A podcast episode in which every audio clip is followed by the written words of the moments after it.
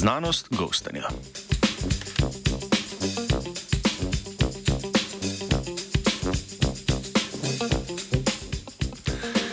Ko se je velik delež medosebnih odnosov preselil v svet družbenih omrežij, so se ustrezno prilagodili tudi pojavi povezani z njimi, vključno s strategijami razhajanj.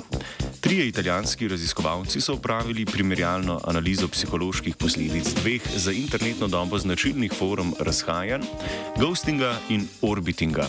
Svoje ugotovitve so objavili v reviji Journal of Psychosocial Research on Cyberspace.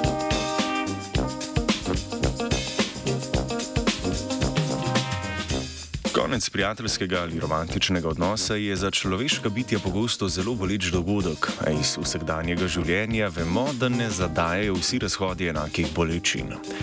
Za ghosting smo ne mara že vsi slišali. Gre za pojav, ko se razmerje konča nenadno, brez razlage in s popolno prekinitvijo kakršne koli komunikacije.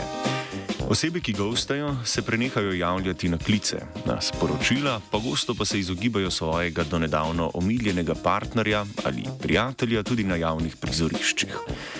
Če jim to velikost mesta omogoča. Definicija orbitinga je manj znana. V veliki meri se prekriva z definicijo ghostinga, s to razliko, da po prekinitvi komunikacije prekinitelj ostane v orbiti internetnega družabnega življenja osebe, s katero je prenehal komunicirati.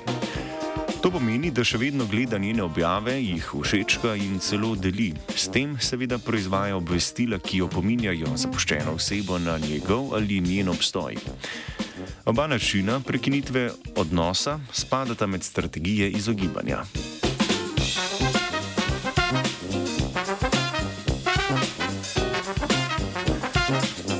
Raziskovalci so 278 posameznikov in posameznic med 18 in 36 letom starosti razporedili v tri skupine. Na to so jih prosili, da podoživijo, odvisno od skupine, epizodo ghostinga, orbitinga ali eksplicitne prekinitve odnosa, ki so jo doživeli v zadnjih petih letih. Prosili so jih, da opišajo, kako so doživljali situacijo, vključno s prisotnimi mislimi, občutki in obnašanjem. Na to so udeleženci in udeleženke rešili vprašalnik, s katerim so raziskovalci merili nabor psiholoških konstruktov, povezanih z doživljanjem družbene izločitve in agresije do druge osebe.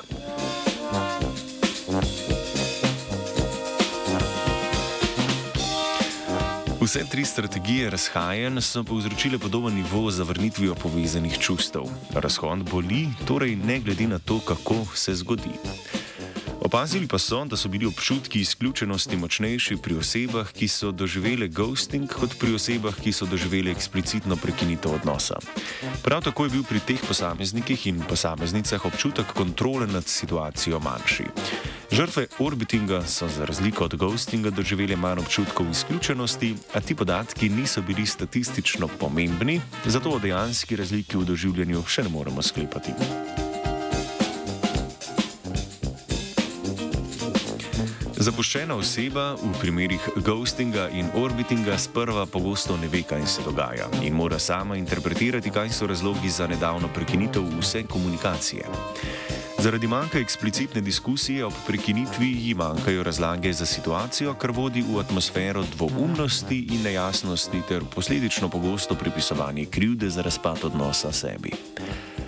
Pretekle študije so pokazale, da imamo ljudje v povprečju raje negativno pozornost kot nič pozornosti.